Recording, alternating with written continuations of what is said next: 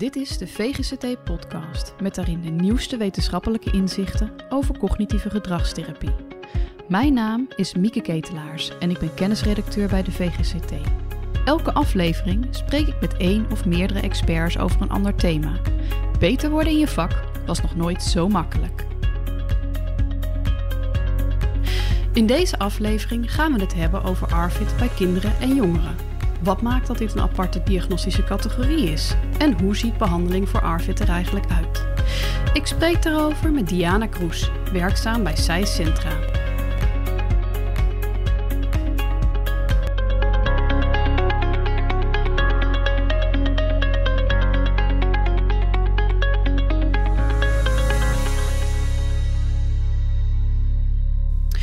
Hi Diana, via de Ether, welkom uh, bij de podcast. Kun je je eerst even kort voorstellen? Ik ben Diana Kroes, ik ben hoofdbehandeling bij SAI Centra. En SAI Centra is een behandelcentrum voor kinderen met ARFID en ook zinnelijkheidsproblemen. Nou gaan we het vandaag vooral hebben over de behandeling van ARFID, maar misschien is het goed om ter inleiding daarvan eerst eens even uit te leggen wat ARFID precies inhoudt. Mm nou, ARFID staat voor Avoidant Restrictive Food Intake Disorder, een hele mond vol.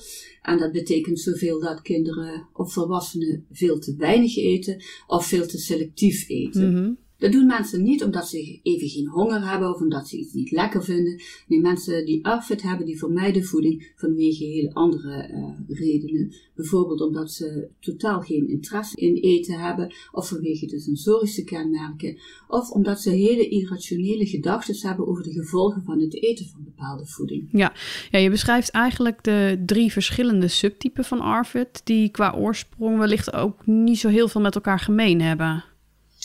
Ja, daar wordt best wel wat over gediscussieerd. Maar de overeenkomst is eigenlijk dat al de mensen die een ARFID lijden een groot tekort aan voedingsstoffen hebben.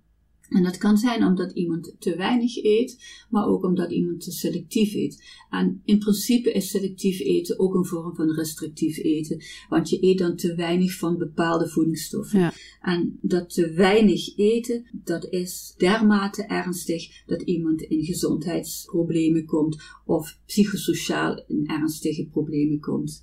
En wanneer je dat bijvoorbeeld afzet tegen anorexia, waar jongeren ook te weinig eten, zien we een groot verschil dat deze jongeren heel graag juist willen bijkomen en juist meer willen kunnen eten. Alleen dat niet durven. Oké, ja. Maar we zien ook mensen die te weinig eten van een bepaald product en nog alles te veel eten van een ander product. En deze mensen die hebben juist overgewicht. Alleen de gezondheidsrisico's, die zijn natuurlijk niet minder. En de psychosociale problemen, die zijn natuurlijk ook niet minder. Hmm. En dat is afgezet tegen anorexia en andere eetstoornissen. Maar met enig voorstellingsvermogen kan ik ook die problemen wel onderbrengen bij andere uh, problematiek. Wat maakt dat ARFID dan toch een plekje in de DSM verdient? Nou, een belangrijke uh, reden om te diagnosticeren met ARFID is omdat je dan een gerichte behandeling kan toepassen. Ja. Dat eten is zo ingrijpend in het dagelijks leven van het kind of het gezin of de partners van mensen die ARFID hebben, dat je wel hoopt dat mensen toegang hebben tot een goede behandeling, zodat ze ook de rest van hun leven veel beter op kunnen pakken. Hey, en als we dan eens kijken naar behandeling, hoe ziet die er dan uh, in het geval van kinderen en jongeren uit? Nou, dat is een groot verschil in leeftijd. Wanneer je een jong kind hebt met ARFID, die is natuurlijk heel erg afhankelijk van zijn ouders om in zijn voedingssituatie te voorzien. En dan is de behandeling veel meer gebaseerd op toegepaste gedragstherapie, waarbij je enerzijds het kind een nieuw gedragspatroon wil aanleren en aan de andere kant wil je ouders leren hoe ze dat gewenste gedrag het beste kunnen stimuleren, het beste kunnen bekrachtigen. En dan zie je dat de motivatie van een jong kind veel minder is dan bij een ouder kind, omdat de lijdenslast eigenlijk nog veel kleiner is. Dus die behandeling die is niet alleen gericht op het kind, maar ook op de ouders. Mhm.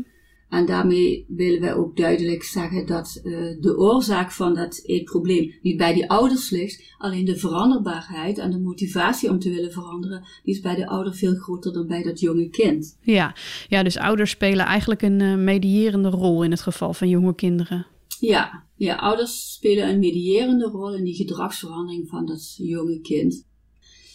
En Wanneer we kijken naar kinderen die wat ouder worden, bijvoorbeeld bij de basisschoolkinderen, nou, dan is de motivatie meestal ook nog wel laag omdat ze eigenlijk nog niet zoveel last van dat eetprobleem hebben, omdat ouders nog alles veel moeite doen om te zorgen dat het kind er zo weinig last van heeft. Dus bijvoorbeeld wanneer zo'n kind naar een verjaardagsfeestje gaat, dan zijn de ouders nog alles die wat afspreken met de ouders van het jarige kind, om toch iets mee te geven of om te zorgen dat er altijd wel eten is dat het kind graag lust. Ja, en bij jongeren ligt dat neem ik aan anders. Ja, naarmate het kind wat ouder wordt, zien we dat dat eigenlijk wat minder mogelijk is en dat het kind zelf ook eh, veel meer last van krijgt dat hij niet kan eten zoals andere kinderen eten. En eh, naarmate ze ouder worden en het leven zich veel minder binnen het gezin afspeelt, zien we dat die psychosociale gevolgen veel groter worden. Maar daarmee ook eigenlijk de motivatie stijgt.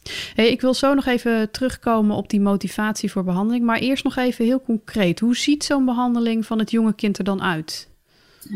Bij het jonge kind hebben we daar een heel geprotocoleerde behandeling voor, waarin we eerst beginnen met uh, dat het kind verdraagt dat je uh, met je handen in de buurt van het mondje komt. Er zijn veel kinderen die een negatieve geschiedenis hebben, bijvoorbeeld met zondevoeding of zuurstoftoediening. Die hebben een hele negatieve associatie met dat mondgebied. Daar beginnen wij in eerste instantie met het toelaten dat de behandelaar in de buurt van het mondgebied uh, komt. En dat gaat steeds dichter in de mond, zodat het kind uiteindelijk eindelijk verdraagt dat bijvoorbeeld een lepeltje met voeding in de mond komt. En dan gaan we eerst met smaken werken en we gaan het kind leren om dat door te slikken. Bij de wat oudere kinderen, dan zien we dat selectieve problemen wat meer op de voorgrond staan. En dan gaan we samen met het kind kijken van, van al die dingen die jou nou zo erg lijken, wat lijkt jou dan het minst erg? En het kan betekenen dat sommige kinderen al veel weerstand hebben om te gaan zitten in de buurt van eten. Nou, dan is dat het eerste stapje. Er zijn kinderen die vinden het heel moeilijk om producten aan te raken. Dan kan dat een stapje zijn. En dan zijn ook kinderen die het uh, meteen in hun mondje durven te stoppen, maar bijvoorbeeld nog niet durven door te slikken. Ja. Dus het instapniveau dat gaan we samen met het kind afspreken, maar we gaan daar wel steeds een stapje verder bij als dat het kind uit zichzelf zou aandurven. En voor het kind wil je belonen dat het die moed gaat opbrengen om iets te doen wat het eigenlijk niet wil. Dus het gaat zich niet zozeer erom of dat kind dat product daadwerkelijk gaat eten. Ja, mooi. Hey, en ik begreep dat de behandeling bij jullie in een uh, dagbehandelingssetting plaatsvindt. Ja, een jong kind komt bij ons iedere dag naar het behandelcentrum. De hele dag, van half negen tot uh, kwart over vier. En dat lijkt natuurlijk enorm lang. Maar wil je iemand motiveren om te eten, moet er wel een soort innerlijke motivatie zijn. Je kunt u eenmaal niet iemand motiveren om te eten terwijl hij zijn buikje vol zit en net heeft gegeten. Dus het oefenen met eten willen we spreiden over de dag. Enerzijds voor die intrinsieke motivatie, anderzijds ook om het te doen lijken op een normale dag, want uiteindelijk moet hij of zij een eetpatroon ontwikkelen die in het dagelijks leven ook goed te integreren is. Ja. Dus een kind dat naar een centrum komt, dat lijkt eigenlijk een beetje op een kinderdagverblijf. Dus buiten de eetbehandelingen, de sessies noemen we dat, dat krijgt een kind vier keer per dag moet hij daarnaast ook spelen met andere kinderen, doen ze leuke dingen. Als ze wat ouder worden, moeten ze ook hun huiswerk maken. En is er ook tijd voor ontspanning en loop. En we nodigen ouders uit om samen met hun kind bij ons te komen eten. Maar dat lijkt me op zich een hele vreemde ervaring voor ouders. Ja, sommige ouders kunnen zich geen beeld vormen bij hun kind dat eet. Dus dan worden de emoties van die ouders, die uh, spelen best wel een belangrijke rol. En dat willen we ook een plaats geven. Dus dan kijken ouders bijvoorbeeld in eerste instantie alleen maar toe hoe hun kind eet. Vervolgens willen we de rol van die ouders steeds groter maken, waarin ouders ook een belangrijkere rol en een grotere verantwoordelijkheid hierin weer terugnemen en ook thuis met hun kind aan de slag gaan, zodat dat nieuwe eetpatroon niet alleen de vijf dagen dat ze op het behandelcentrum zijn kunnen worden uh, geoefend, maar ook op zaterdag of zondag of s avonds of in de ochtend voordat de kinderen naar het behandelcentrum komen. Dus zo proberen we de rol van die ouders steeds groter te maken en die rol van de behandelaar steeds kleiner te maken. En hoe lang duurt zo'n gemiddelde behandeling? Nou, de duur van de behandeling die verschilt enorm qua leeftijdscategorie en ook qua problematiek. En je kunt je voorstellen dat wanneer een kind bijvoorbeeld een hele uh, somatische geschiedenis heeft, waarbij het bijvoorbeeld heel veel allergieën heeft en we eigenlijk niet weten welke voeding kan die verdragen, dat je veel langzamer en veel zorgvuldiger nieuwe voedingsproducten introduceert, omdat je het negatieve gevoel wat een kind daardoor in eerste instantie heeft, dat die niet veroorzaakt wordt vanwege allergische reacties. Dus dat betekent dat je nieuwe producten heel voorzichtig één voor één gaat introduceren. En dan komt het nog wel eens voor dat een kind toch allergisch reageert, waardoor die negatieve associaties in eerste instantie weer getriggerd zijn. Dus dat je uh, weer een paar stapjes terug moet uh, nemen in je behandeling. Ja. Het kan ook zijn dat een kind in die tussentijd ziek wordt. Ze zijn zo vaak verkouden en grieperig, waardoor ze weer stoppen met eten. En het kind is dan net een beetje bijgekomen in gewicht. En doordat het verkouden wordt, neemt dat gewicht weer af, waardoor ouders eigenlijk een beetje moedeloos worden. Dat ze zoveel moeite moeten doen om een kind te laten bijkomen. En dan wordt het verkouden en dan wil het weer niet eten. Ja, ja, maar het lijkt me op zich ook heel erg lastig voor ouders. Hoe ga je daar als behandelaar mee om? Nou, we willen juist ook die ouders leren en dat kind leren dat ook wanneer je verkouden bent, dat het dan goed is om te eten. Omdat het, dat kan ervoor zorgen dat je steeds sneller herstelt. Dus juist in die ziekteperiodes willen we die behandeling ook voortzetten. Mits dat natuurlijk kan en het kind niet te ziek is om te eten. Maar dan moet je wel vaak een aanpassing doen in je voedingsschema. Nou, dus feitelijk is het moeilijk inschatten hoe lang een behandeling duurt.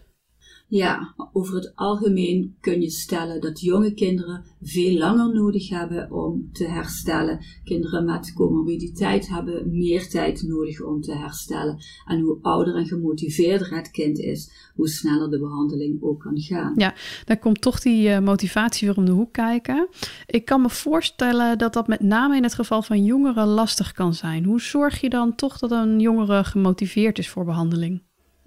Nou, bij de behandeling is het heel belangrijk dat wat die jongere en wat die adolescent, wat diegene belangrijk vindt, wat die naartoe zou willen, waar die last van heeft in zijn dagelijks leven, dat je daarop insteekt en dat je dat een belangrijke rol laat spelen. En is dat lastig om erachter te komen wat kinderen drijft? Nou, wanneer een jongere op intake komt, dan wordt nog alles genoemd wanneer we vragen van wat zou jij nu willen, waarom wil jij in behandeling, dan worden bijvoorbeeld gezondheidsrisico's heel vaak genoemd, terwijl wanneer we langer gaan praten, dat eigenlijk een soort sociaal gewenst antwoord is. Ja, en wat zit daar dan achter? Nou, de wat jongere kinderen zeggen bijvoorbeeld wanneer het zeuren van mijn ouders nu eindelijk in stopt. Mm En dat nemen wij ook eigenlijk altijd mee in de behandeling aan gaan kijken, waarom zouden jouw ouders nou zeuren? Nou, dat weten ze dan eigenlijk altijd wel, dat ouders het beste met hun voor hebben. Maar gezondheidsrisico's, dat zijn toch bekrachtigers voor de lange termijn. Terwijl wil je je gedrag veranderen, dan heb je voordeel op korte termijn nodig. Ja, ik kan me voorstellen dat dat zeuren van ouders, zoals kinderen dat zo soms uh, kunnen zien, dat dat ook voorkomt wanneer kinderen hele kleine stapjes zetten in behandeling. Ja, dat is voor kinderen enorm frustrerend wanneer ze veel moeite doen om dat stapje te nemen, wanneer vervolgens toch de indruk wordt gewekt door ouders met alle goede bedoelingen, want we snappen dat heel goed, om meer te eten. Dus in de begeleiding van ouders proberen we ook te vragen om juist kinderen te complimenteren dat ze dat kwartsnietje brood hebben gegeten. En eventjes geduldig te zijn en even in te slikken ook al voelt dat zo en ook al weet je als ouder van hij kan makkelijk meer eten. Nou lijkt het me ook voor ouders ontzettend moeilijk om die balans te bewaren tussen enerzijds uh, betrokkenheid mhm. en stimuleren en anderzijds het loslaten. Ja, we hebben speciale oudersessies en samen met de adolescenten ouders er wordt gekeken van hoe kunnen die ouders een hulpbron zijn voor de adolescent. En dan zeggen adolescenten bijvoorbeeld van ik wil graag dat mijn moeder me eraan helpt denken dat ik iets mee moet nemen naar het sporten. En dan zegt die, die moeder, maar zodra als ik dat tegen jou zeg, dan zeg jij, uh, ja, daar heb ik heus wel aan gedacht, denk je dat ik dat zou vergeten. Ja. Dus het wordt ook vaak aangegrepen door een adolescent om zich juist af te zetten tegen die ouder. Nou, de oudersessies gebruiken we dan om samen af te stemmen, wat kan jouw ouder nu doen om enerzijds jou te steunen, aan de andere kant om niet opnieuw een conflict aan te gaan. En dat kost soms uh, veel moeite om daar uit te komen, maar over het algemeen kunnen we daar goede afspraken over maken. Aan de ene kant de ouder helpt de adolescent één keer eraan herinneren en met de adolescent spreken we af dat hij dan tegen ons zegt, oh fijn dat je mij eraan doet denken. Het zijn hele voor de hand liggende oplossingen eigenlijk. Maar doordat dat patroon rondom dat eten zoveel lading heeft en zo'n lange geschiedenis kent, zijn eigenlijk alle normale omgangsvormen daardoor verdwenen. Ja, misschien inderdaad voor de hand liggend, maar met een vastgeroest en verstoord patroon ook wel belangrijk om daarbij stil te staan. Ja. Zijn er nog andere valkuilen als het gaat om adolescenten? Ja, de valkuil bij ouders, bijvoorbeeld bij adolescenten, is dat er ook een soort autonomie uh, hoort te ontstaan bij een adolescent. En daarmee ouders ook eigenlijk uh, wat meer los moeten laten, dat ze invloed kunnen hebben op dat eetgedrag van hun adolescente zoon of dochter. Het eetprobleem en het zelf kunnen bepalen ervoor is nog wel eens een belangrijk instandhoudende factor bij de adolescenten. En dan zien we wanneer adolescenten in behandeling komen, we ook veel meer gaan sturen op autonomie en zelf verantwoordelijk zijn voor je eigen eetgedrag. En die zelfverantwoordelijkheid daarin betekent ook dat een adolescent zelf moet gaan kiezen welke producten wil ik gaan eten en welke niet. En dan kan het nog wel eens zijn dat hij er toch voor kiest om s'morgens te ontbijten met een yoghurt, terwijl ouders denken van ja, maar je moet ook een stevige boterham eten. Ja, dan kan ik me op zich ook wel goed voorstellen dat jongeren niet altijd dezelfde prioriteiten hebben als hun ouders. Nee, een langdurige maaltijd met hun ouders bijvoorbeeld is voor hen helemaal niet zo'n hoge prioriteit. Nou, en dan ga je samen met ouders aan de adolescent kijken van wat is nu acceptabel voor die adolescent en wat is acceptabel voor die ouders. En kunnen ouders zich ook neerleggen bij het feit dat het eigenlijk niet hun keuze zouden zijn. Ja, dus je probeert daarmee ouders en jongeren op één lijn te krijgen eigenlijk. Ja, het komt natuurlijk wel eens voor dat um, de rol van ouders, dat daar ook voordelen zijn aan zo'n eetprobleem. Of dat wanneer het eetprobleem opgeheven zou worden, andere problemen veel meer op de voorgrond zouden komen te staan. En dan is het belangrijk voor de behandelaar om daar zo snel mogelijk achter te komen en daar ook over met ouders in gesprek te gaan en dan ook te kijken of andere hulpverlening of aanvullende hulpverlening veel meer op zijn plaats is. kan je daar een uh, voorbeeld van geven? Dat komt bijvoorbeeld bij de jongeren met as. Dat wanneer ze op een leeftijd komen dat ze eigenlijk zelfstandiger zouden moeten gaan leven, bijvoorbeeld omdat ze gaan studeren, dat dat eetprobleem ervoor zorgt dat ze thuis kunnen blijven wonen of moeten wonen omdat ze anders te weinig zouden eten. Oké, ja. In dat geval zijn de eetproblemen eigenlijk symptomatisch voor iets anders. Ja, ja. Het beperkte eetpatroon zorgt ervoor dat iemand niet gaat studeren, terwijl hij dat eigenlijk wel zou willen, maar vanwege die sociale problemen dat niet aan kan. Ja. ja en, en dan helpt een eetbehandeling alleen niet voldoende. Hey, en even terug naar de situatie waarin er sprake is van een eetstoornis. Um, is er al wat bekend over de effectiviteit van de behandeling? Ja, nou, zoals uh, we al eerder zeiden, is AFID een vrij nieuwe diagnose. Dus de onderzoeken beginnen nu ook eigenlijk allemaal gepubliceerd te worden. Um, en die zijn vooral over prevalentie en hoe duid je ARFID dan. Dus goede onderzoeken over een goede behandeling van ARFID hebben we uh, nog heel weinig. We kunnen het ook nog moeilijk diagnosticeren. Mm -hmm. Sinds een tijdje hebben we de beschikking over de PARDI. Dat is de Pica ARFID and Rumination Disorder Interview. En dat is een semi-gestructureerde vragenlijst. Die kan worden afgenomen door een daarvoor opgeleide hulpverlener. En die zorgt ervoor om de ernst van het eetprobleem te duiden. En die differentieert ook in de verschillende types waar we het over hadden. Helaas hebben we eigenlijk nog geen goede uh, validatiegegevens uh, daarvan. We hebben nog geen normgegevens. Er komt wel een bepaalde ernstscore uit, maar je kunt nog niet zeggen hoe dat is ten opzichte van andere mensen die geen ARFID hebben. Ja, Oké. En wordt er bij jullie intern ook nog uh, onderzoek gedaan naar de effectiviteit van behandeling? Ja, we hebben zelf een tijdje geleden een onderzoek gedaan binnen ons eigen behandelcentrum bij kinderen die zijn aangemeld voor behandeling bij ons en wel of niet in behandeling zijn gekomen. En daar hebben wij gezien dat bij kinderen die niet in behandeling zijn gekomen, dat na gemiddeld zeven jaar, dat een derde van de kinderen verbeterd zijn in hun ARFID en dat twee derde eigenlijk nog voldeden aan de criteria van ARFID. En opvallend daarbij is eigenlijk dat de kinderen die te weinig aten, die verbeteren, terwijl de kinderen die selectief aten, die verbeteren eigenlijk het slechtst zonder behandeling. Terwijl wanneer een ouder met een slecht etend kind bij de kinderarts komen, alles gericht is op de hoeveelheid van eten. En ook eerder uh, wordt doorverwezen voor behandeling wanneer een kind te weinig eet. Ja, dus, dus eigenlijk gaan artsen momenteel op het minst ernstige signaal af, zeg je. Ja. En hoe zat dat met de groep die wel behandeling kreeg? Daar hebben we gevonden dat ze na gemiddeld 7 jaar, dat daar ongeveer 73% van verbeterd is. En zelfs niet meer voldoet aan de criteria van ARFID. Dus dat pleit toch ervoor dat snel wordt gekeken hoe je de uh, eetproblemen moet duiden en of er meer risicofactoren zijn op het ontwikkelen van ARFID. Ligt daar volgens jou nog een uh, rol voor het consultatiebureau weggelegd? Uh, in het kader van vroegsignalering bijvoorbeeld?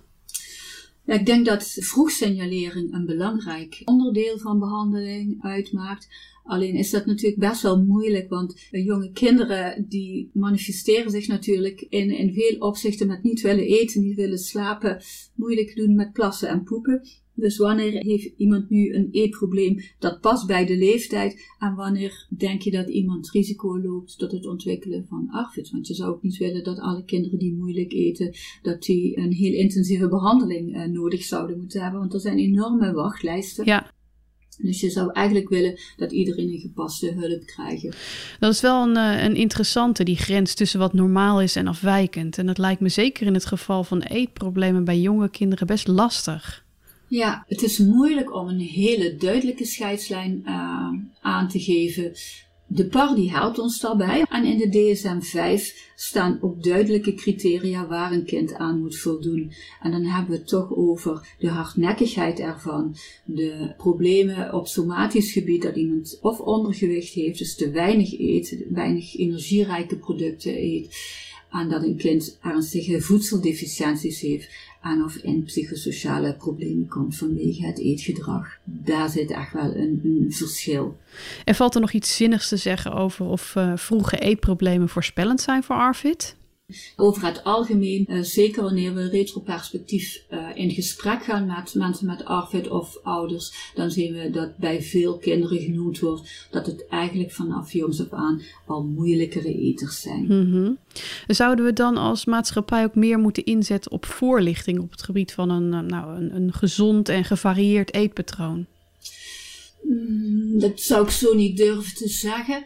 Wat we wel zien, is dat er een bepaalde sensitieve periode is voor het ontwikkelen van smaak en ontwikkelen van die sensormotoriek.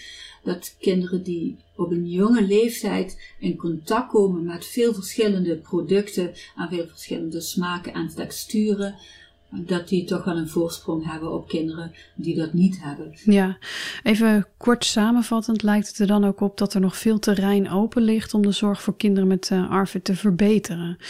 Wat zie jij daar zelf in als belangrijkste aandachtspunt? Er zijn veel hulpverleners die zich bezighouden met kinderen met eetproblemen en kinderen met kun je denken aan diëtisten, kinderartsen, logopedisten, um, psychomotorentherapeuten, gedragstherapeuten, cognitief gedragstherapeuten, IMH-specialisten, maar ook het alternatieve circuit. Ik zou het heel erg toejuichen wanneer die richtlijnen steeds uh, specifieker worden en dat we met onderzoek beter kunnen aangeven welke behandelingen ook daadwerkelijk bewezen effectief zullen zijn, zodat ouders veel beter weten van welke behandeling kan ik wat verwachten. Ja. En dat betekent niet dat de meest effectieve behandeling ook voor elk kind geschikt is, maar je zou daar wel goede voorlichting in willen geven en je zou ook willen dat verwijzers, ouders en jongeren en volwassenen een goede voorlichting geven over welke behandeling nu het beste bewezen is en van welke behandeling je ook welke effecten kunt verwachten, zodat ouders en volwassenen weten waarvoor ze kiezen en daar geen valse verwachtingen in geschept worden en het eetprobleem langer blijft bestaan als dat nodig is aan er veel faalervaringen opgedaan worden met hulpverlening. Daar moeten we het vandaag bij laten, Diana. Dank voor je inzichten in ARFID en voor de toelichting over hoe zo'n behandeling eruit ziet. En voor de luisteraars, mocht je een goed idee hebben voor een thema van een nieuwe podcast, laat het ons vooral dan even weten. Je luisterde naar de negende aflevering van de VGCT-podcast. Heb je een tip voor ons? Geef dat dan vooral even door op communicatie.vgct.nl. En vergeet je natuurlijk niet te abonneren op ons kanaal, zodat je geen enkele aflevering hoeft te missen. Tot de volgende keer!